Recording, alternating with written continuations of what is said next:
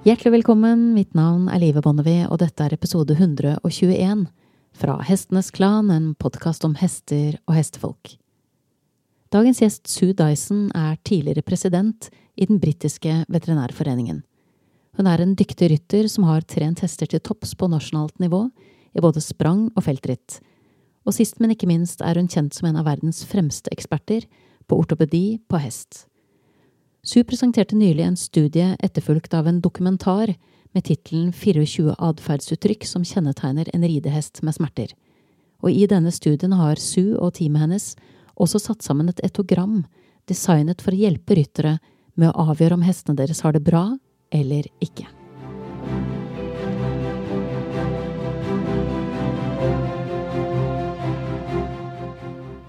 Før Sue Dyson utdannet seg som veterinær og ble en anerkjent internasjonal ekspert på ortopedi på hest, så gikk hun fra å være nysgjerrig ponnirytter til å bli en målbevisst konkurranserytter innenfor sprang og feltritt, der hun blant annet la grunnlaget for flere hester som hadde stor suksess i sporten både i VM og i OL. Hun beskriver at dette var en svært lærerik periode, som ga henne et godt grunnlag for det yrket hun valgte seg da hun var 17. Hun ville bli en hestepraktiserende veterinær. Sue fikk sin utdannelse på en tid da det var få andre kvinnelige veterinærer og enda færre kvinnelige hestepraktiserende veterinærer.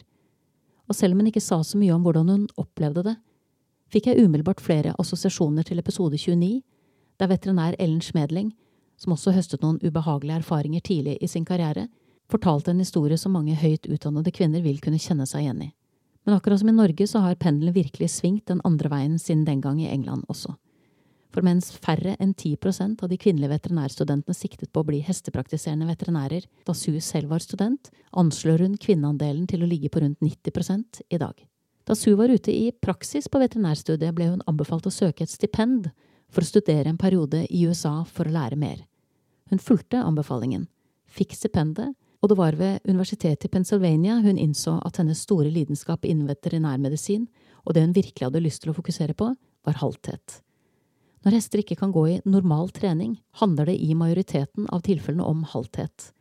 Og hester med nedsatt prestasjon var noe Sue relaterte seg sterkt til etter å ha lagt grunnlaget for flere hester som endte med å konkurrere på toppnivå. Sue traff i denne perioden Jack Lee Goff, den franske treneren, som fikk mye av æren for det som omtales som gullalderen i amerikansk hestesport på 70- og 80-tallet. Og hun traff også den amerikanske feltrittrytteren Bruce Davidson, som på den tiden ikke bare hadde plassert seg nasjonalt i USA, men også hadde tatt både VM-titler og OL-gull. Sue, som på dette tidspunktet var turnuskandidat, fikk tilbud om å ri for Bruce og ri hans egne hester, noe hun gjorde i to år. Hun lærte også enormt mye av veterinæren som var ansvarlig for det amerikanske landslaget i feltritt på denne tiden. Så da hun vendte tilbake til England som en ung, kvinnelig veterinær som ikke raget særlig høyt i terrenget, hadde hun med seg en kompetanse som gjorde nettopp det.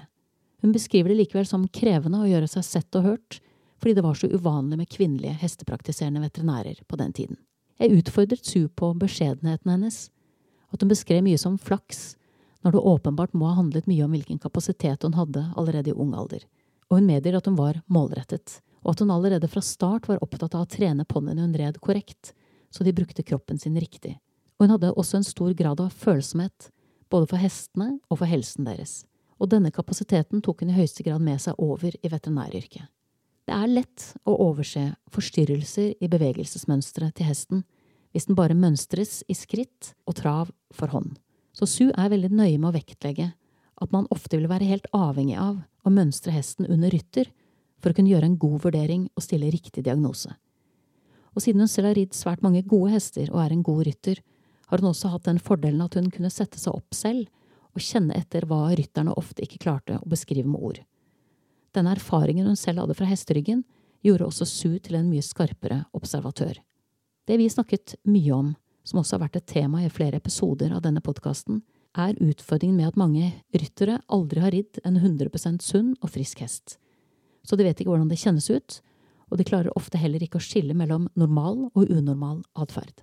Sue trekker fram eksempler på ryttere som beskriver hesten sin som vanskelig, de har kanskje en hest som ikke er villig til å galoppere på høyre hånd, og fått vite av treneren at svakheten ligger hos dem, at det er de som ikke er sterke nok, eller at hestens svake side egentlig er deres egen svake side. Mens hun er grunnleggende uenig i dette. Hvis hesten er smertefri, så er det ingenting som tilsier at den ikke skal kunne ris likt på begge hender. Så hvis hesten stadig flytter deg i salen, så er det grunn til å spørre hvorfor. En smertefri hest vil alltid være lettere å ri, lettere å trene og lettere å sitte på. Sue kan fortelle at studien hun har gjennomført, og dokumentaren 24 atferdsuttrykk som kjennetegner en ridehest med smerter, vokste ut av en årelang frustrasjon over ryttere som klaget over at hesten ikke var som den skulle, samtidig som samtlige av hestene Sue undersøkte, hadde utfordringer som daterte mye lenger tilbake enn symptomet eieren hadde lagt merke til og tilkalt henne for. Dermed følte hun at hun alltid var tilkalt for sent. Hun hadde om andre ord en førstehåndserfaring av det tilbakevendende temaet om at symptomer ofte først anses som et problem når de oppleves som et problem for rytteren. Hun erfarte at mindre uttalte symptomer, som signaliserer at noe er et problem for hesten, som små endringer i bevegelsesmønster og atferd, eller tap av muskelmasse, ofte blir oversett, inntil sekundære symptomer blir mer uttalte.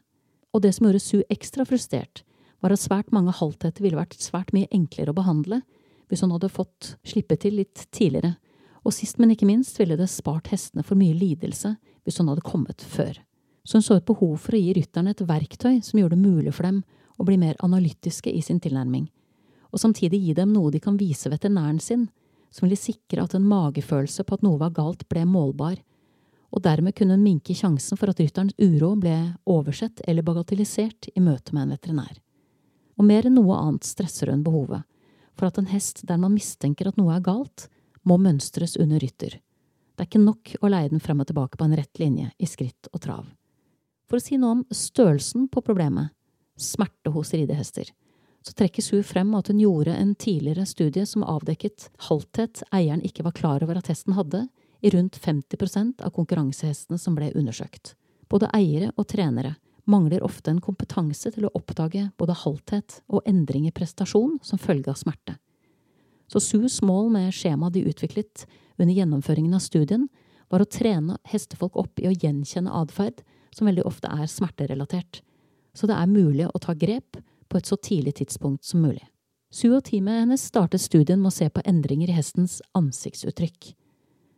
Hos mennesker som hos hester så er smertedrag i ansiktet viktig, særlig når man i menneskeverden jobber med demente pasienter eller andre pasienter som har mistet språket sitt fordi ansiktets mimikk ofte er noe av det eneste man da har å navigere ut fra. Det interessante er at man finner disse trekkene hos de fleste arter, hvis man vet hva man skal se etter. Med hester er det gjennomført flere studier knyttet til kastrering, der man vet at hesten har vondt etter inngrepet, og der man har kunnet observere at endringen i uttrykket følger mengden smertestillende hesten får. Og Sue og teamet hennes fant de samme trekkene hos hester i studien som var halte. Men også her er det snakk om subtile endringer og subtile trekk og Sue ønsket derfor å se på hele hesten for å finne markører som var enklere å se. Det de gjorde, var å sammenligne friske, haltfrie hester med hester som var halte. Basert på gjennomgang av eksisterende forskning og et stort antall filmer av hester under rytter, laget de en liste av 117 ulike atferdsuttrykk som de anså som mulige markører på at hesten hadde smerter. Og av disse skilte de ved hjelp av statistisk analyse ut 24 ulike atferdsuttrykk der flertallet av dem var ti ganger mer sannsynlig å finne hos en halvt hest enn en frisk hest. Funnet ble deretter sammenfattet i et etogram, som er det vi kaller en katalog eller en liste over atferdsrepertoaret hos en dyreart. Og siden dette etogrammet tok for seg den ridde hestens atferd, så kalte de det The Ridden Horse Ethogram. Da de brukte etogrammet for å vurdere de halte versus de friske hestene, så var resultatet at majoriteten av de halte hestene viste åtte eller flere av de 24 atferdene som var listet i etogrammet, mens majoriteten av de friske hestene kun viste to av 24 atferdsuttrykk. Det neste steget var å ri de halte hestene med og uten nerveblokkere, det vil si ri hesten med smerte først, deretter bruke injeksjoner for å eliminere smerten fullstendig i to–tre timer. Dette gjorde det mulig å sammenligne atferden til samme individ med og uten smerte og funnene var ikke overraskende at scoren over atferd relatert til smerte falt dramatisk. Så en hest kunne for eksempel gå fra en score på tolv til en score på to til tre, så endringen var markant. Det dette viser, er også at atferden hestene viste, ikke var habituell, det vil si kan avveies som hestens vanlige atferd, men at atferden faktisk var et direkte resultat av opplevd smerte i sanntid Ikke bare var det mye atferd som forsvant, men frekvensen av atferden som indikerer smerte som hesten fortsatt viste, ble også betydelig redusert. Studien viste også at observasjon av hest under rytter i et gitt antall øvelser i fem til ti minutter var nok til å kartlegge om hesten hadde vondt eller ikke. De kunne videre se at hestens problemer gjerne ble mer uttalte når det ble ridd øvelser som krevde mer av hesten. Så en høyt utdannet dressurhest kunne eksempel galoppere på en storvolte uten problemer, men kanskje vise avvik i atferden som økte i takt med høyere krav, og dermed ikke ble synlig før man ba om mer, som galoppbytter, piruetter eller laterale bevegelser. Så for at etogrammet skal være presist, så er det viktig at hesten viser hele sitt bevegelsesrepertoar. Utfordringen Su beskriver, som er en utfordring som står høyt oppe på min liste over ting vi som driver med hest trenger å prate mer om, er at mange av oss ikke er trenet til å skille mellom normale atferdsuttrykk og atferd som er et symptom på smerte. Dels er det veldig vanlig at ryttere avfeier atferd med at det har hesten min alltid gjort, eller dette har hesten min gjort så lenge jeg har hatt den. Og så gjør man den feilen at man setter likhetstegn mellom vanlig, som i hestens vanlige atferd, og normalt, som i at atferden er normal. Men at hesten alltid har slått med halen, er ikke det samme som at dette er normal atferd for en sunn og frisk hest, med mindre den plages av insekter. Su trekker også fram at det er en utfordring at hestene som ofte er ansett som de beste rideskolehestene, er de rolige hestene, som dessverre ofte også har halthetsproblematikk på ett eller flere bein. Legg til at mange av disse hestene også viser atferdsmessige abnormaliteter, altså avvik fra normalen, som å legge ørene flatt bakover, slå med halen eller galoppere skjevt, for eksempel. Så mange av oss lærer å ri på hester som ikke er normale, sunne og friske hester. Dermed går mange av oss ut av rideskolen og mangler evnen til å gjenkjenne en sunn og frisk hest som oppfører seg normalt. Og i verste fall vet vi ikke hvordan en glad og fornøyd hest ser ut. En glad, fornøyd og sunn hest responderer villig på rytterens signaler. Den har toppede ører og et naturlig og villig fremad i alle gangarter, uten å være spent og med en fri og naturlig svinging gjennom ryggraden. Den kan kanskje være litt i tvil i starten når den lærer noe nytt, men den finner fort ut av det og utvikler seg videre med god progresjon. Og det er en utfordring at mange ryttere aldri har ridd en hest som dette. Det er også en utfordring at mange hobbyryttere bare rir én hest, og derfor ikke så lett legger merke til den gradvise endringen i hesten som kan komme snikende over tid. En endring som bruker tid på å manifestere seg tydelig nok til at hestens fysiske utfordringer blir fanget opp, og da gjerne i form av sekundære symptomer, som endret bevegelsesmønster eller endret atferd. Og fordi hesten er et byttedyr, så blir den i møte med oss og våre krav også sin egen verste fiende, fordi den alltid vil anstrenge seg for å skjule at den har vondt. Hester som sliter med smerter, vil tilpasse bevegelsesmønstre for å minimere ubehag og avlaste svake strukturer. Og ikke bare det, de er samarbeidende av natur, så selv om de blir bedt om å gjøre noe som gjør vondt, så vil de fortsatt gjøre det, kanskje ikke like villig som før, men de vil alltid strekke seg langt for å gi oss det vi ber om. Et vanlig kasus som Su trekker frem, som er veldig interessant å notere seg med episode 118 og 119 om feltritthesten Daphne som bakteppe, er at det er en myte at hester som aldri refuserer, er friske nok til å hoppe. Det er viktig at man tar med i betraktningen at ikke bare kan hopping oppleves enklere og mer engasjerende for hesten enn å jobbe på bøyde spor på flatmark. Hopping utløser også adrenalin i hesten, som i neste omgang frigjør endorfiner, som gjør hesten gladere. Så dersom en hest synes å foretrekke sprang fremfor dressur, så kan man rett og slett følge litt ekstra med. Sannheten er dessverre at de fleste ryttere ikke er spesielt gode observatører. Dette har Su også avdekket gjennom tidligere studier, der rytterne ble spurt om hesten viste tegn på abnormal atferd under oppsaling og oppstiging, noe rytterne svarte nei på. Men det som ble veldig tydelig gjennom undersøkelsen, var at de fleste rytterne var helt blinde for avvik i hestens naturlige atferdsuttrykk, men fordi de hadde fått spørsmål i forkant av oppsalingen, og dermed økt bevissthet på hestens atferd, var de plutselig i stand til å legge merke til ting de tidligere var blinde for. Det ble også tydelig at den atferden folk var flinkest til å observere, var aggressiv atferd, som at hesten bet etter dem når hjorten ble strammet, mens mer subtil atferd, som at hesten ikke sto i ro, at den spente kjeven, at den holdt pusten eller lignende, ikke ble fanget opp i like stor grad. Du finner etogrammet og de 24 atferdsuttrykkene Sue Dyson og teamet hennes fant på min hjemmeside, www.hestenesklan.no. Det er et verktøy jeg virkelig anbefaler for minst tre bruksområder. For å avdekke om det er noe som har gått under radaren fordi du ikke har visst hva du skulle se etter. For å få hjelp til å avkrefte eller bekrefte en dårlig magefølelse du allerede har. Og sist, men ikke minst, for å være proaktiv med tanke på å motvirke det jeg, fra og med denne episoden, mener vi offisielt må kalle stallblindhet. Jeg vil også ta opp tråden igjen fra første episode, der jeg lanserte det jeg har valgt å kalle for paddock-testen, som også er et nyttig verktøy hvis målet er å bli bedre til å observere hester. Du har i denne episoden fått gjengitt den første halvparten av originalintervjuet med Sue Dyson. Du finner hele intervjuet på min engelske søsterpodkast Clan of the Horses. Og er det én episode du virkelig bør høre i sin helhet, så er det denne. For vi bruker resten av intervjuet til å bore dypere ned i materien, blant annet når det gjelder tilpassing av sal, plassering av rytterens vekt i salen, og ikke minst viktigheten av at triangelet bestående av hest, rytter og utstyr er satt sammen som det skal. Vi ser også på hvor utbredt det er at hester med ulike smertetilstander ris uten at noen oppdager at noe er galt, og hvor mange av disse hestene igjen som faktisk har utbytte av å bli trent, selv om de ikke er 100 haltfrie. Og vi snakker også om bedømmingen i hestesporten, der dommerne ikke følger sportens eget regelverk, og der avvik fra normalen litt for ofte belønnes fremfor å trekkes.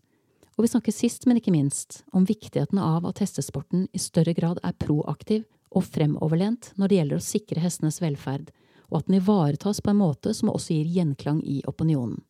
For var det noe vi tok med oss fra skandalen i moderne femkamp under Tokyo-OL i 2021, som jeg tar for meg i episode 62, så var det at når publikums engasjement og raseri først er vekket, er veien til avvikling og forbud imponerende kort. Fra det øyeblikket der hesten Saintboy må sies å ha tatt en for laget, så tok det uker å avskaffe ridning som en del av moderne femkamp. En øvelse som har vært en del av OL siden 1912. Vi trenger en solid holdningsendring på alle nivåer av hestesporten. Og denne podkasten er mitt bidrag til det paradigmeskiftet som begynner å ta form i horisonten. Men hva er ditt bidrag? På hvilket nivå utgjør du en forskjell? Du har minst tre muligheter til å være en del av løsningen fremfor å være en del av problemet. Du kan gjøre en innsats på individnivå, der du tar for deg din egen hest eller hestene du rir, og ser hvordan de kan få det bedre, og ikke minst hvordan du selv kan bli bedre. Du kan gjøre en innsats på stallnivå, der du bidrar til å spre kunnskap i ditt eget miljø gjennom å dele anbefalinger, erfaringer, stille åpne spørsmål og å være nysgjerrig.